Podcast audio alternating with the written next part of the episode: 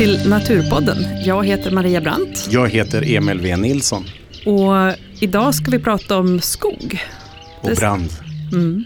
Skog ur ett lite annorlunda perspektiv. Skogen som dog. Eller? Dog Ja, den riktigt? Det är ju en definitionsfråga. Alltså. Ja. Vi ska prata om brand. Det handlar ju om branden som en del av skogens ekosystem kan man säga. Det här avsnittet är inte inspelat i Uppland va? Nej, det är så här att jag har en tidigare kollega, Joakim Strängbom vid Sveriges lantbruksuniversitet på Ultuna här i Uppsala. Han jobbar mm, bland annat med skogsbrand, så han har varit jättemycket vid det här brandfältet i Västmanland. Den här stora jättebranden som rasade 2014 och som också brann. En liten del av den brann också 2018. Mm. Alldeles nyligen. Och det är ju ändå nära Uppland. Ja, det är inte alls. Det var så pass långt. nära som man kunde känna lukten av det. Ja, ja absolut. Här inne i Uppsala. Verkligen, det var ju rökigt ju.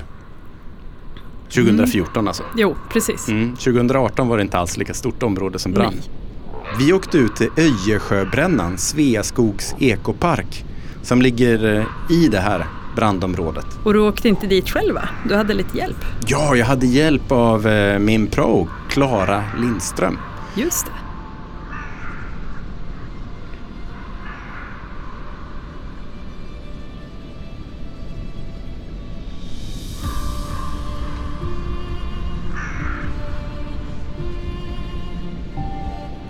Skogsbränder.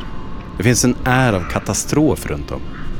Sommaren 2018 gjorde att Sverige fick en försmak av det som kan bli en framtid fylld av bränder.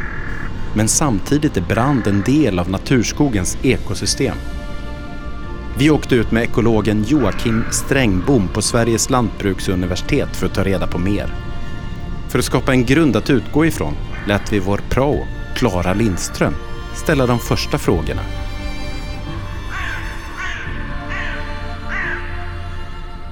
Jag heter Klara Lindström och jag är just nu på prao på Biotopia och ska ställa lite frågor.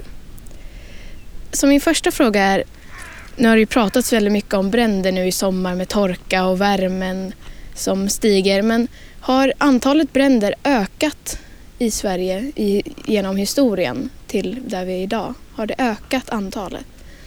Nej, eh, det är faktiskt precis tvärtom. Man, man kan ju tro att eftersom man pratar mycket om klimatförändring, att det ska bli varmare och så, så ska det bli fler bränder. Och det kanske det kommer att bli, men vi vet inte riktigt, det går inte att säga det statistiskt riktigt än. Men trenden över tid, det är att det har blivit mycket, mycket färre bränder och framförallt så brinner det mycket, mycket mindre total yta. Och det beror på att vi har blivit mycket effektivare att bekämpa bränder. Vi vill ju inte att skogen ska brinna upp. Vi vill ju kunna göra pappersmassa och, och timbrädor av, av, av skogen. Inte att den ska brinna upp så att säga. Eh, Man kan jämföra i, i år då när det har brunnit så himla mycket som man säger så brann det Ja. 25 000 hektar eh, skog totalt. Och ett av de här stora brandåren på, på 1800-talet, 1888 tror jag det var, då beräknade man att det brann 250 000 hektar. Vilket är gigantiskt mycket mer. Och det ut- utgör ungefär 1 procent av all skog i Sverige. Och man, man beräknar att, att genomsnittligt under naturliga förhållanden så har ungefär 1 procent av svenska skogen brunnit. Medan det nu då brann en promille av svenska skogen. Ja, och det, skogsbränder och bränder bidrar ju till att koldioxid släpps ut. Hur mycket koldioxid blir det och är det någon markant skillnad? Alltså bidrar det till de klimatförändringarna och sånt som sker? Ja, det är det. Skogsbränder kan släppa ut väldigt mycket eh, koldioxid. Eh, speciellt om det är stora bränder. Då. Så, så om man gör överslagsberäkningar som, från det, de arealerna som brann i år så har de bränderna genererat ungefär lika mycket koldioxidutsläpp som en femtedel eller 20 procent av, av alla inrikestransporter. Så det är inte betydelselöst när det brinner så mycket som det gjorde i år. Nej. Men finns det något positivt med skogsbränder? Ja, det, jag skulle säga när, när skogsbränderna har blivit så ovanliga som de har blivit nu så finns det liksom en, en positiv aspekt för biologisk mångfald. Det finns en massa arter som naturligt har varit anpassade till att eh, leva i eh, brandområden. Det vill säga att de, de är beroende av brända eh, förhållanden, bränd död ved och så vidare. Och de har arterna blivit väldigt ovanliga och hotade många av dem, när bränder blivit ovanliga, så blir bränder lite vanligare eller är, uppstår en skogsbrand så är det någonting positivt för biologisk mångfald i alla fall. Tack så mycket. Tack!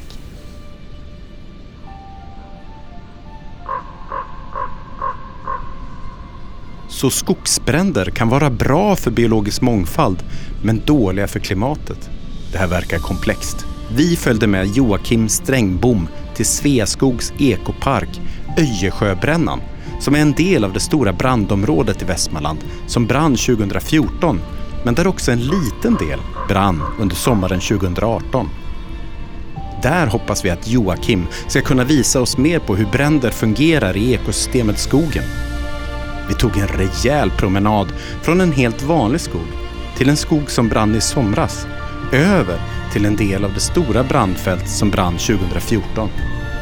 Vår vandring i den brända skogen ackompanjerades av korpar, kråkor och orrar. Nu har vi åkt bil ifrån Uppsala, förbi Västerås och sen eh, norrut. Och eh, vi är i eh, utkanten av det stora brandfältsområdet i Västmanland med Joakim Strängbom. Varför är vi här med dig? Jag jobbar som forskare på Sveriges lantbruksuniversitet och jag har eh, bedrivit en del forskning i just det här brandområdet. Och eh, det här är bland det häftigaste man kan göra tycker jag. Vara ute och titta på en skogsbrand eh, och, och, och promenera omkring och, och fundera varför det ser ut som det gör och varför det blev som det blev. Ja, och det här med bränder, skogsbränder har ju blivit mer aktuellt efter den väldigt torra sommaren nu 2018 som vi, som vi hade. Och eh, just nu så rasade en eh, brand i Kalifornien också. Så att eh, det, det, det känns som att det blir mer och mer aktuellt att prata om skogsbrand. Ja, bränder i, i skog det är väldigt, väldigt starkt kopplat till när det är torrt. Och längre, långvarig torka är det som krävs för att det ska, för att det ska brinna. En sån dag som vi är ute nu här i, i november när det är blött och fuktigt, det skulle inte, det skulle inte gå att tända eld på den här skogen idag. Nej. Det, det, det måste vara torrt på marken. Så marken måste ha torkat upp, det får inte ha regnat på kanske några veckor om det ska bli någon riktig fart.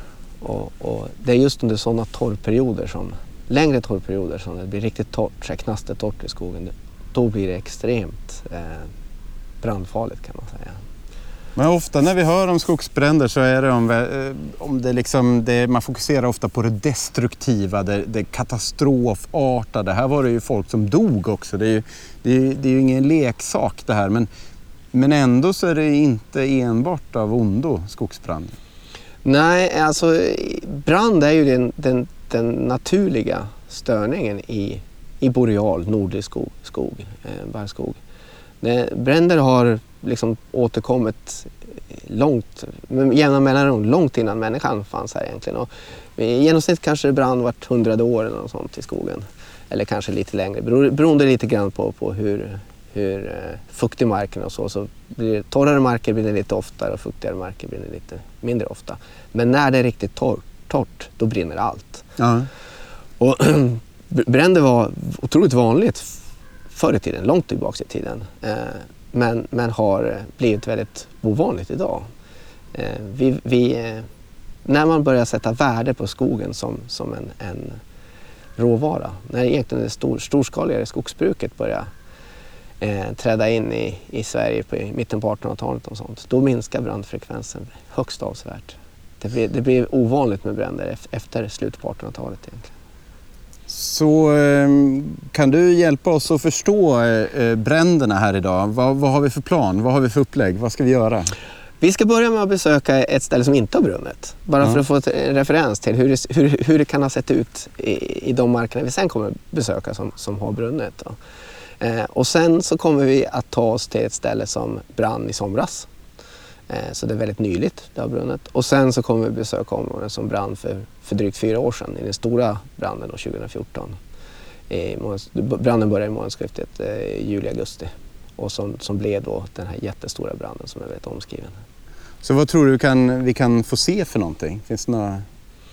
Ja, dels hur, hur, hur, hur brand påverkar skog Ja. eh, och vad, vad, vad det händer när det brinner i skogen. Har vi lite tur kan vi få se några brandspecialistarter som finns. Ja. För det finns en hel del arter. Genom att brand har varit vanligt förekommande eh, i, under lång tid i skogen så finns det en hel del arter som anpassar sig till just brand.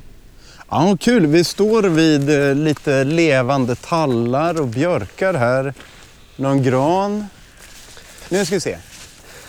Tall, vi har örnbräken på marken, lite smultron, Lite ljung lite ljung. och så ganska mycket blåbärsris och, och lingonris. Kan du mossorna?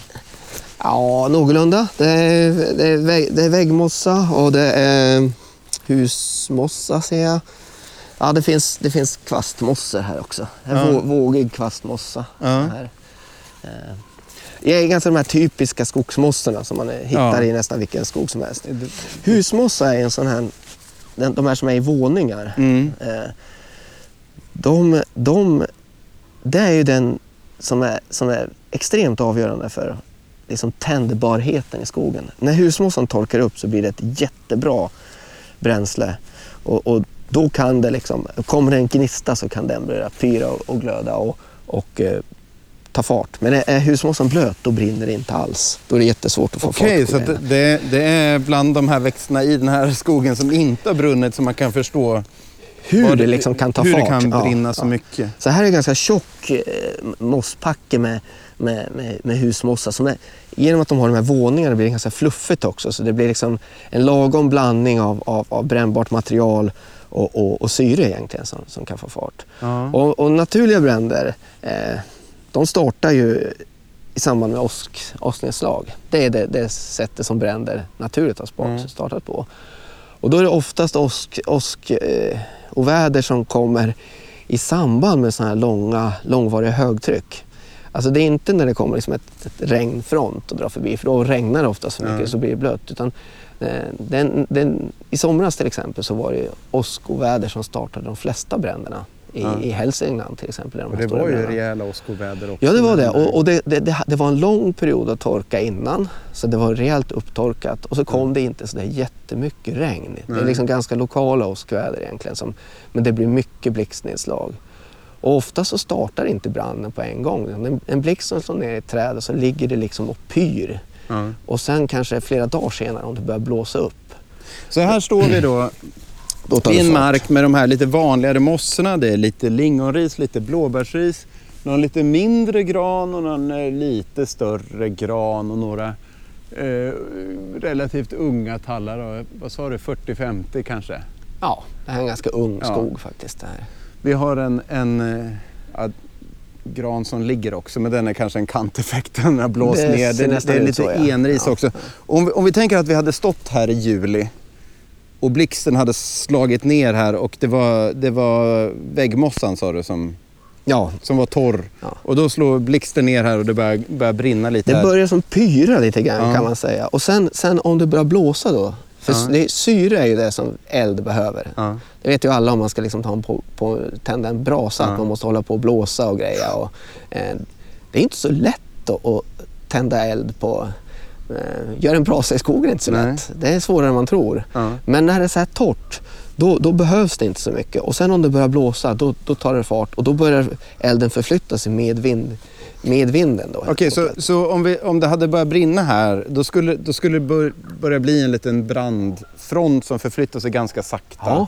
i medvind. Eh, men då är det inte så dramatiskt förlopp. Då är det ganska... Nej, då går det ganska långsamt. Och, Ja. och det, är liksom är som, det är som en smal linje som, som br- brinner och förflyttas och så blir det sotigt bakom egentligen.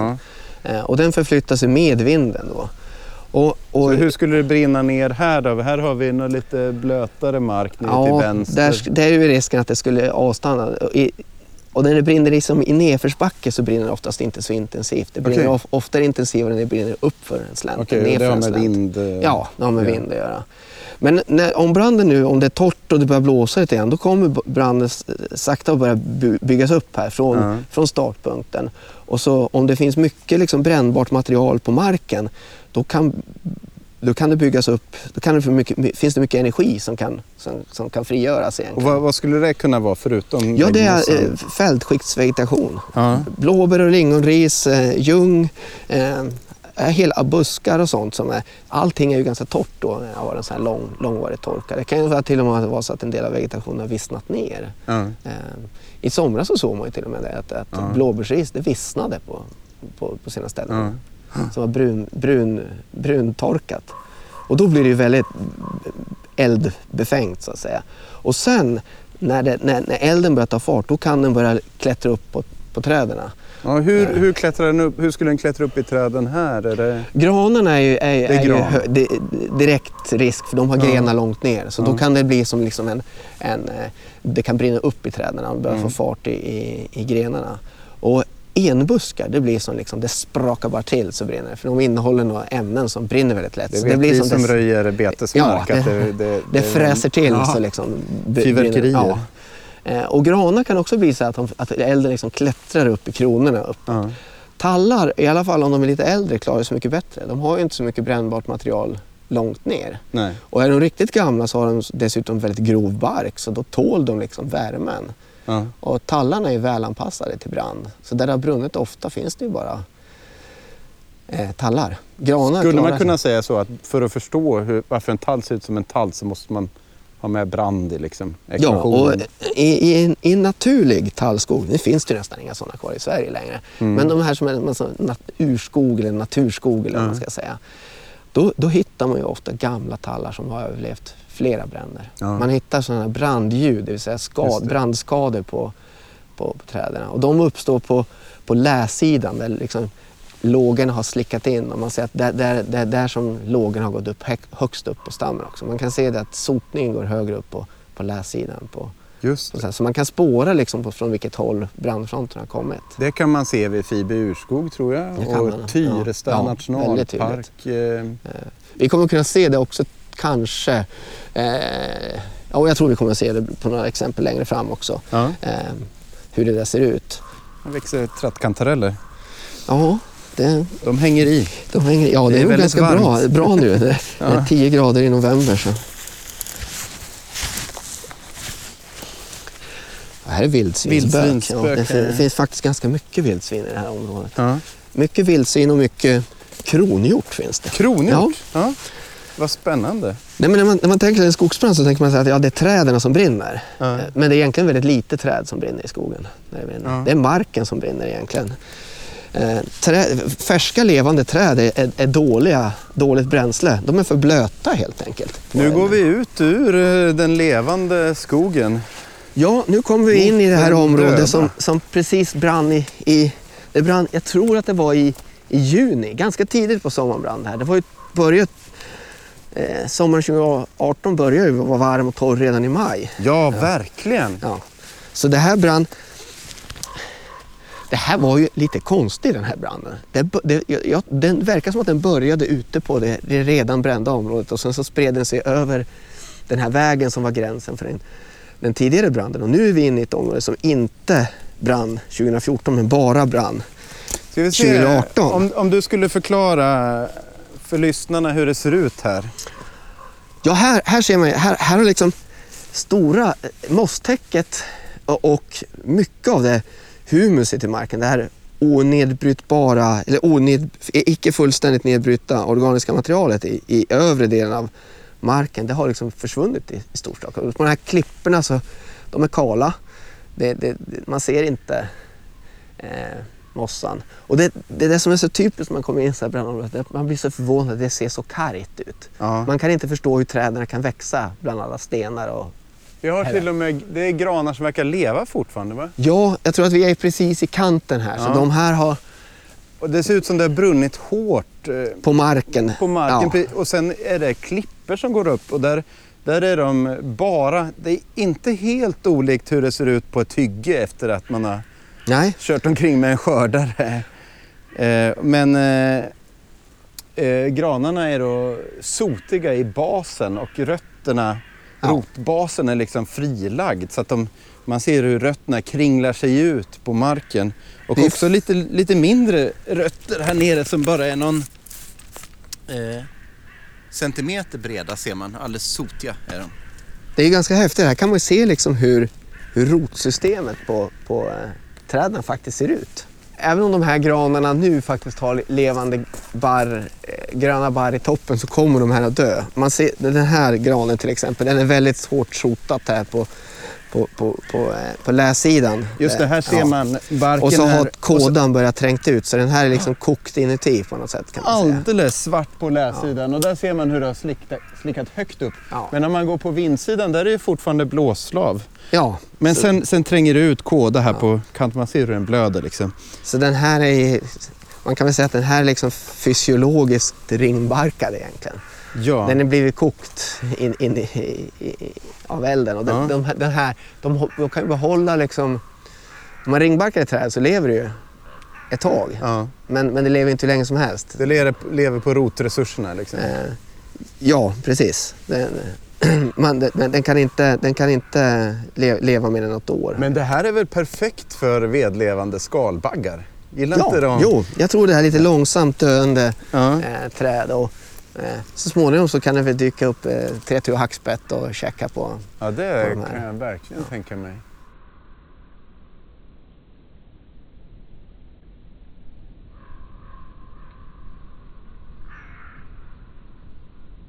Det står en björk där borta som har Ja. bränts ganska hårt också. Det är någonting som jag är lite överraskad över att det är att björkar är så pass bra på att klara sig faktiskt. De gör det? Ja. Ja. Det är många som har liksom överlevt och till och med har liksom levande, flera år efteråt, har levande blad kvar i toppen. Liksom. I, Sen somras, finns det rotskott de kan skjuta också då, men Ja. eh, I somras såg man ju hur björkarna reagerade lite annorlunda jämfört med andra lövträd när det kom till torkan. Att de, de fällde löven Ja. tidigast. Ja, väldigt tidigt faktiskt. Och sen kunde de skicka ut Nya, nya, liksom. nya gröna Ja. löv. Som nöd, nödlövverk. Ja, liksom. Reagerar de lite liknande på brand som på torka eller? Ja, om det är en lätt brand så, så, så, så sätter de nya löv. Och den är, om den är tidigt på säsongen då sätter de nya löv på, på, eh, på, på sommaren sen. Men inte om det är en brand som kommer väldigt sent på säsongen, då gör de inte det. Här ser vi, här har ju liksom på marken, här har ju, vi står precis vid kanten där branden har slutat. Så man ser att Just Man ser här, blåbärsriset här till där. vänster är det blåbärsris Ja. och mossa och här till höger har det brunnit. Och, och, det har inte brunnit ner så, så djupt. Man säger, man, när man pratar om brand så brukar man prata om brandhårdhet. Det är egentligen hur djupt branden kryper ner i, i backen, hur mycket organiskt material den konsumerar. Ja. Och brandintensitet, det är egentligen hur mycket energi som utvecklas i, i framkanten på, på branden. Så om det blir en kronbrand då är det mycket energi som utvecklas men det kan vara en, en hård brand som, som går ganska långsamt men kryper ner i, i, i det här Ja. torven eller humuset. Här har jag egentligen bara svett om. Man ser att det, det är som man har kört med en, ja, det ser ut som en stubbåker lite grann. Ja, man, det, man ser stumparna av, liksom, stubbarna av, av blåbärsriset som är, är kvar. Och blåbärsriset är på väg upp också va? Det Ja, kommer nya. både blåbär och lingon är fantastiskt bra på att överleva brand. Genom överlevande rhizom under marken. Ja. Jag skulle säga att Över, majoriteten... rhizom, det är den här roten Ja, rötterna som ligger horisontalt under Ja. marken. Liksom. Och det behövs bara små bitar och sånt för att de ska överleva. Man kan hitta i klippskrever ibland som, som där det har brunnit bort och sen har det funnits en liten bit kvar av den rhizom och då kommer det tillbaks Ja. blåbärsris där. Så det är ingen risk att blåbärsriset försvinner i de här...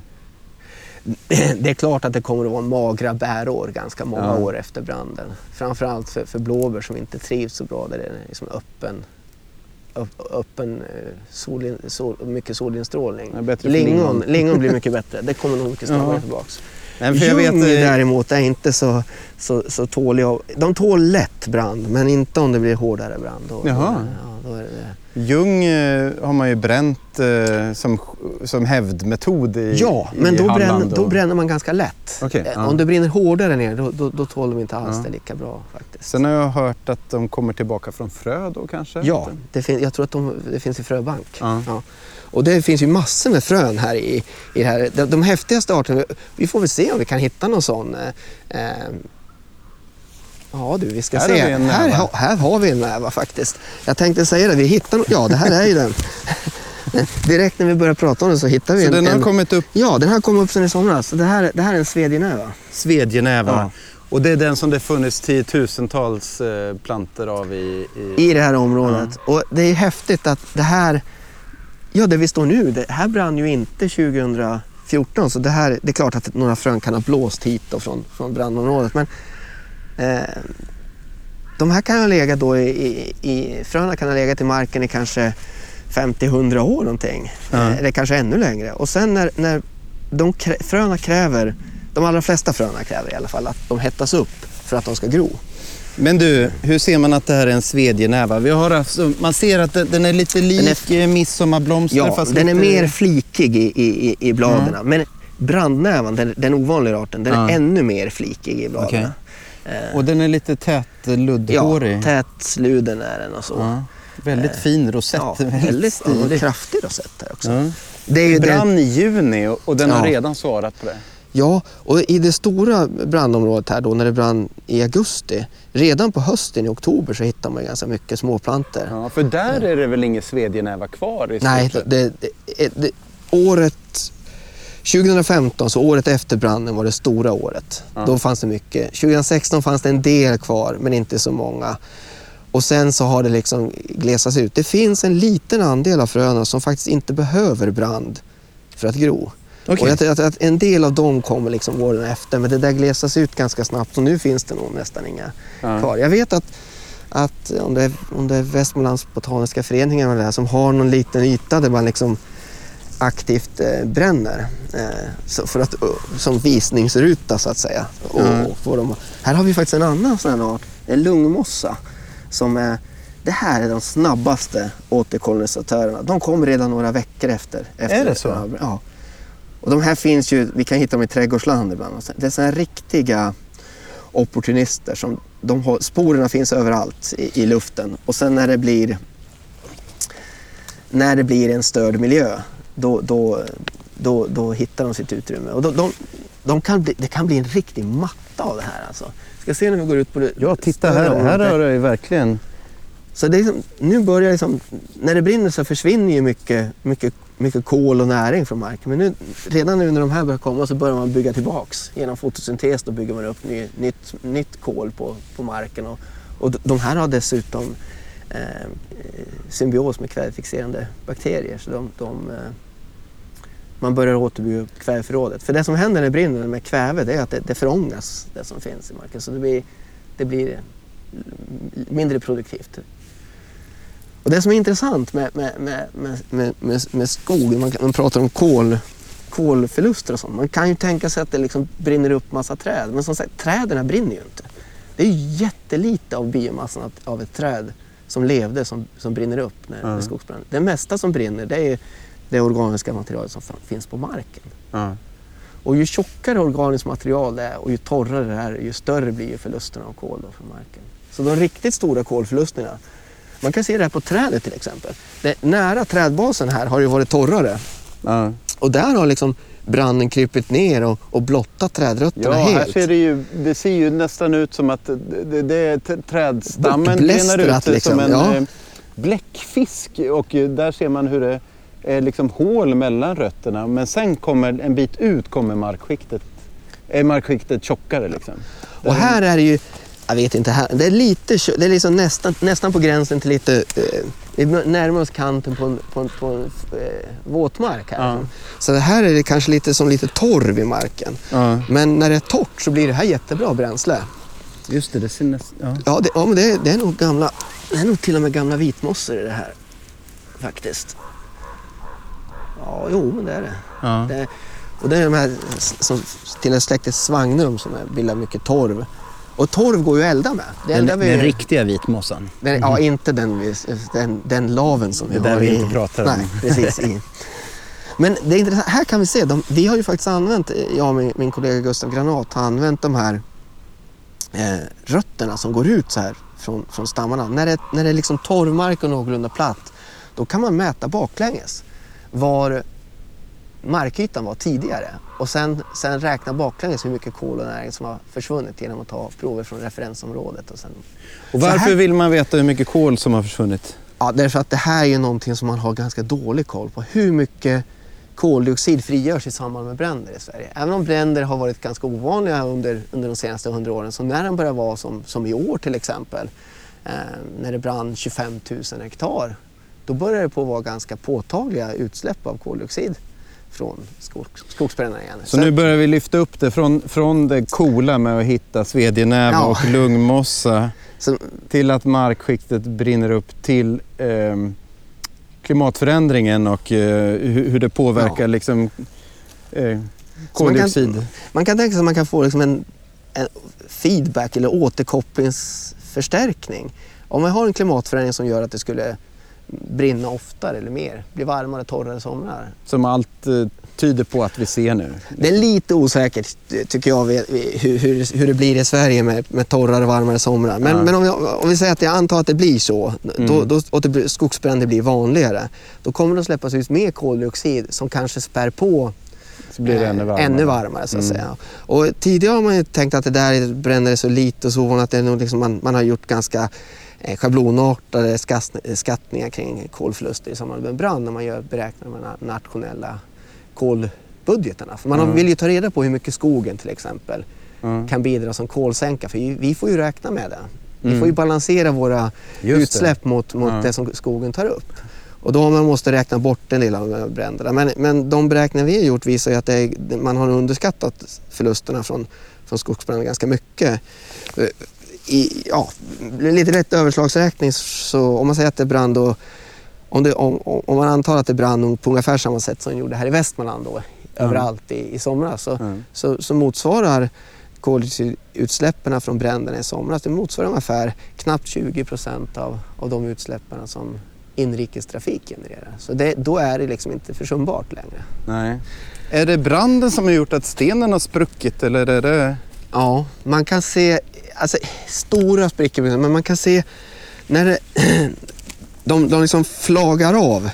Eh, det het, jag vet inte om det finns något bra uttryck för det där på svenska. Spalling pratas, eh, pratas de på engelska. Spalling. Ja, och det, alltså, det, det finns ju vatten i sprickor i stenen och när, när, när, när vattnet snabbt värms upp och förångas så går det så snabbt att, att det blir en ångexplosion. Ja, du ser där, de där stenen. här är ju... Här har du ju Ja, dragit... Det där, det, där, de, det där kanske... Det lite längre bakom det tror jag är ett bättre exempel på. Det kan man, man kan se det som, som skärvor nästan som är bortflagade. Vi ska se om vi... Ja, här! här. Den här är helt... Ser, Jag tittade, Ja, det det som- spricker och det är alldeles knotigt. ja. Och det här kan man faktiskt använda som ett mått på hur intensiv branden är. Hur snabb värmeutvecklingen har varit. Hittar man mycket sådana här flagade stenar då har det varit väldigt intensiv brand. Och här ser vi också några av de här riktiga brandgynnade arterna som mjölkört eller rallarros. På engelska kallas det fireweed. Okej, ja, Så- men det var ju ett det bra är, namn. det, det är liksom en, vi tänker ju kanske mest att det är liksom en störnings, allmänt störnings...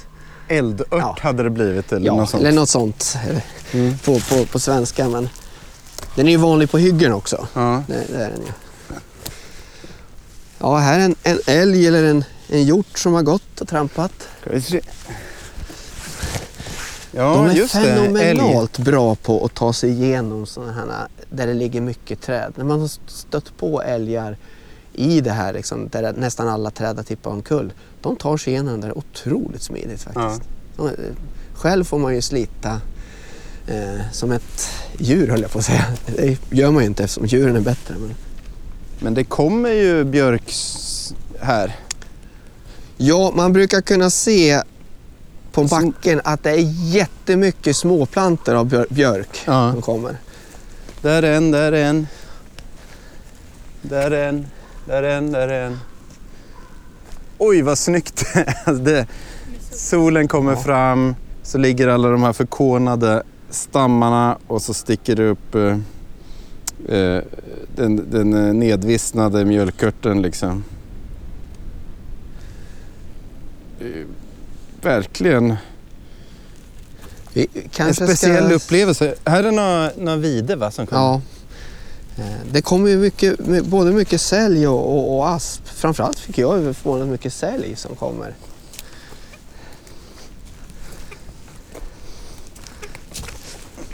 Det ser ut som att eh, tallarna varit i samma ålder här. Det är ungefär Ja, samma jag, dimension på allt som ligger. Jag tror väldigt mycket av det här var sånt som faktiskt blev dödat i samband med första branden. Och så Ja. har, har det varit ganska bra bränsle nu då, andra branden, när de har legat här mycket. Här var nog kronhjortsbildning va? Ja, det där var ju inte så stort nu. Ja, där Det, det är nog inte en stor kronhjort heller. Nej, Det var mitt emellan vanlig kronhjortsstorlek och rådjur. Ja. Liksom. Men vad roligt att man ser så mycket spår av däggdjur också. Ja, jag, jag, jag har ju känt att så mycket, så mycket älg och, och kronhjort som jag har sett när jag har knattat omkring de här områdena då året efter branden. tror jag aldrig jag sett. Nej. Och jag vet att första året efter branden då skulle de inte jaga för de trodde inte det fanns någon älg att jaga. Nej. Här, det här är en häftig grej. Det här, på, på engelska brukar det kallas- för s- Swagnum sheep. Okej. Det är alltså vitmossa Vitmossefår. ja, som ligger kvar så här. Det var de, det, det här, de, är, de är väldigt bra på att hålla fukt. Ja. Så de här har liksom hållit kvar fukten så de har inte brunnit upp så att säga. Men det runt omkring har brunnit upp. Och man ser, det som var ovanpå, man ser att det har varit lingon och grejer uppe på här. Det har, det har svetsats av men rhizomen har överlevt i själva. Det är som två rejäla korvar. Den längsta är 4-5 meter och sticker upp en, eh, en 40-50 centimeter över markytan. Den mindre är en och en halv, ja, två meter kanske och sticker upp lite lägre. Och så ser man, ser man i kanten att där det har varit lite torrare, där har branden kunnat Ja. liksom äta sig in i det här. Och, och Så det är liksom en decimeter avhuggen torvkant där. Men den här, den här, den här är ju död den här tror jag, svagnen. Den här, den har, den har liksom har blivit, den har blivit för skadad. Men ibland så överlever de ju till och med så här. Ja. Men det, det här kan ju funka som refugier för andra växter. Ja. Och inte minst så ser man ju nu att det, det är massor med grodplantor här. ja, vad är det för något? Det är skogsstjärna Det är mesta. skogsstjärnan Ja. som kommer. Vi kanske kan gå tillbaks genom det. Har vi lite tur kan man hitta sådana här brandskiktsdyna på de där. Som, som är som, det ser ut som en svart knöl som kommer ut ur, ur stammen. Och det är en sån här svamp som bara finns på, på branddödad björk. Brandskiktsdyna. Ja. Det finns aspskiktsdyna också tror jag. Men, och de, de i sin tur är, hyser massa insekter som lever i svampen så de blir viktiga på, på flera plan.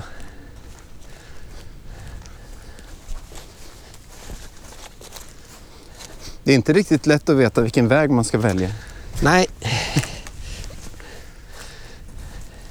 Vi, vi går som en, en halvmåne tillbaka Ja. ut till vägen. Här. Det, ja, vi ska se om vi inte hittar något. Någonstans här ska det finnas ett ganska bra sån här kolmila. Det fanns till och med resterna av en eldstad vet jag. Okej. Ja. Nu är, nu är vi faktiskt i- mitt i en kolbotten. Okej. Ja, ju väldigt... Man kan se att det är som en ring här faktiskt. Ja. Ja. I, I det här landskapet så är det så stenigt så jag tror nog att ser, där borta är en till, borta vid björkarna. Just det, där. just det, just det. Eh, De har letat efter platta ställen tror jag. Ja. Så de kunde liksom lagt upp de här och sen öst upp på.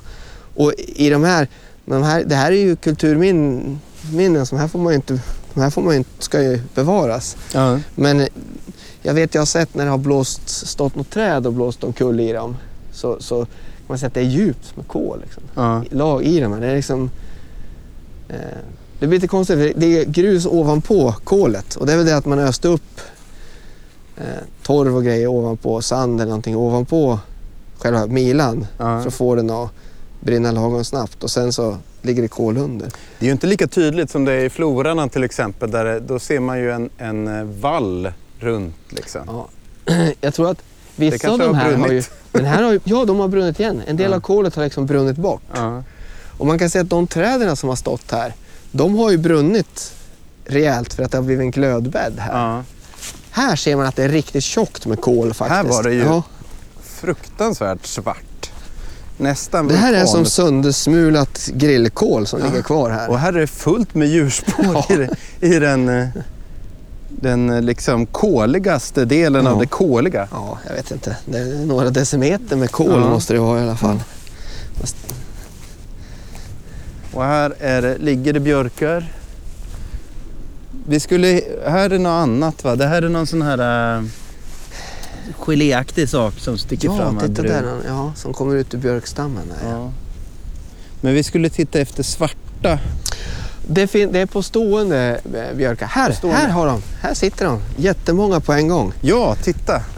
Ja, det här är eh, brandskiktsdyna som finns, på, som finns på björk. Som kommer ut som svarta knölar ur, ur björkstammarna. Och det, de här kan inte leva i levande. Eh, eller de, kan i alla fall, de, måste, de kräver i alla fall brand, brandskadad björk. Men här är ju död den här björken. Eh, och i sin tur så, i de här, nu ser ni den här är en som har gått sönder. Jag vet inte om vi kan se några spår av några insekter i de här kanske. Det är något lite fluffigt, ser nästan Ja. ut som en eh, svamppåväxt. De här har inte dött av den nya branden? vet, det kanske de har gjort faktiskt. De ser nästan lite, de ser väldigt torra ut de här. Ja. Eh, Väldigt, de, ser ju, eh, de ser ju ut som att de är brandskadade även fast de inte är brandskadade. Eh. Men det här är ju de exklusiva arterna som, som faktiskt en av de, de som man, man, man tänker sig att man ska gynna genom att, genom att göra naturvårdsbränningar. sitter ju här omkring men det är ju andra märkliga. Ja, det, det är, men det här saker. är väl, är det här Det kan inte jag. Nej, men det, det är en väldigt vanlig svamp vet jag i Ja. alla fall. Det här. Eh, De har väldigt märkliga former på dem. Verkligen. Ja. Ser ut nästan som vattenkranar som sticker ut ur. Någon slags märklig näsa Ja. på ett konstigt djur.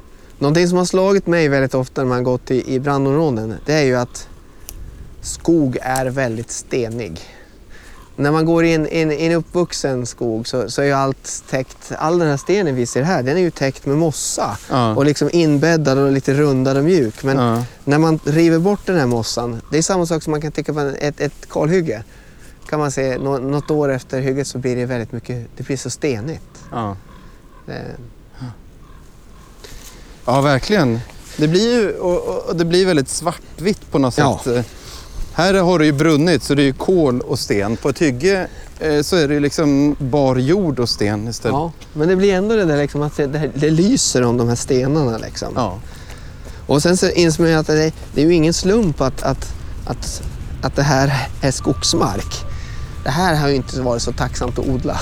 Nej, det är inte ens den ihärdigaste smålänning. Nej. Fast i och för sig, det kanske såg ut så här i Småland när de började. Kan det verkligen ha gjort det? Ja, kanske. Man tittar ju ganska mycket stengärdsgård alltså.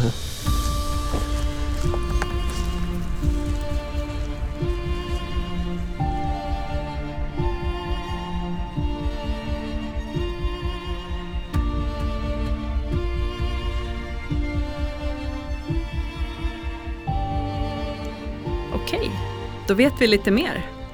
Det känns ju som, det är inte riktigt så enkelt som jag hade trott i alla fall.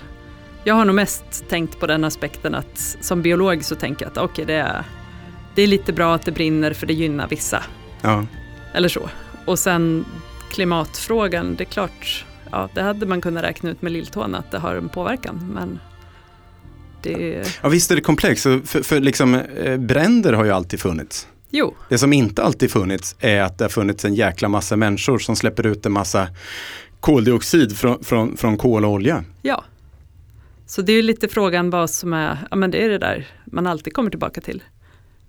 Vad som är naturligt eller inte. Alltså så, vad som, bara för att det är naturligt så kan det ändå ha en negativ effekt. Och alla saker som vi gör spär på. Ja men absolut. Sådär. Ja. Så att, eh, Naturligt, naturligt är ett svårt begrepp. Jo. Vagt begrepp, eh, mångtydigt begrepp på alla absolut. sätt och vis. Men Mm. hörru, hur kändes det då? Kände du liksom när du lyssnade eh, hur, hur det kändes att gå över de här stockarna som ligger kolsvarta på marken och man får liksom Mm. kliva över plock och pinne och, och landskapet är svartvitt av eh, liksom söndersprucken vit sten och Mm. svart kol runt omkring. Jo, jag har ju sett sådana landskap också. Jag har varit i Tyresta en del efter att det brann. Ja.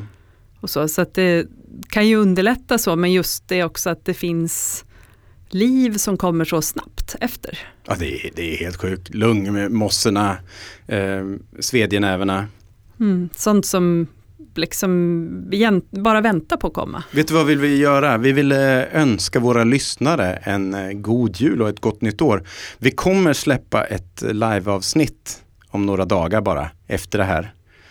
Men eh, det, där har vi inte spelat in så mycket god jul och gott nytt år. Så att, vi, vi, har haft väldigt många lyssnare i år. Vi har haft fler lyssningar än någonsin tidigare. Så vi är väldigt glada över er som lyssnar. Det är jättekul. Ni får gärna mejla till oss, naturpodden gmail.com. Vi kommer fortsätta nästa år med ett avsnitt om vitrygga hackspett och svämskogar och svämpåverkade marker vid Dalälven. Och vi kommer ha ett eh, avsnitt om tor tornseglare, hur man gör tornseglarholkar, ja, mycket om tornseglarens biologi. Sådana saker, varför det kanske inte går jättebra för tornseglarna just nu. Eh, de kommer i januari, början av februari ungefär. Och så vill jag tipsa ännu en gång om att vi har en, en bok om stora rovdjur här på Biotopia. Våra stora rovdjur som handlar om rovdjuren i Uppland. Och då är det björn, lo och varg. Så då kan man mm. komma hit och få lite djupdykning. Vi har ju också våra tre spårfilmer som heter Vargspår, Lodjursspår och Björnspår som ligger på Youtube och Biotopias hemsida. Vi har också våra filmer som vänder sig kanske till högstadiet, gymnasiet sådär. Eh, som heter 10 saker som du förmodligen inte visste om. Och sen är det björn, lo och varg. Mm. De är väldigt bra tycker jag. Mm. Och sen har vi spårutflykter också. Vi har spårutflykter. Eh, 2 februari på svenska, vargutflykt, det finns platser kvar. 3 februari på engelska, där finns det nästan inga platser kvar. Och det är varg också? Det är varg också. Mm. Och sen helgen efter, då tror jag det är 9 februari, då är det lodjursspårning på svenska. Och 10 februari, om jag minns rätt, så är det lodjursspårning på engelska. Mm. De kostar 950 kronor, man måste anmäla sig.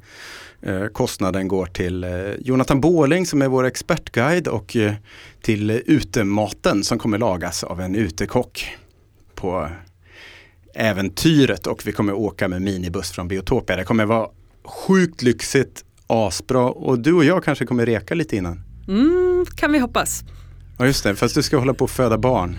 Nej men inte just då, men ja, beror på hur mycket snö det blir. Om jag måste pulsa så är jag off.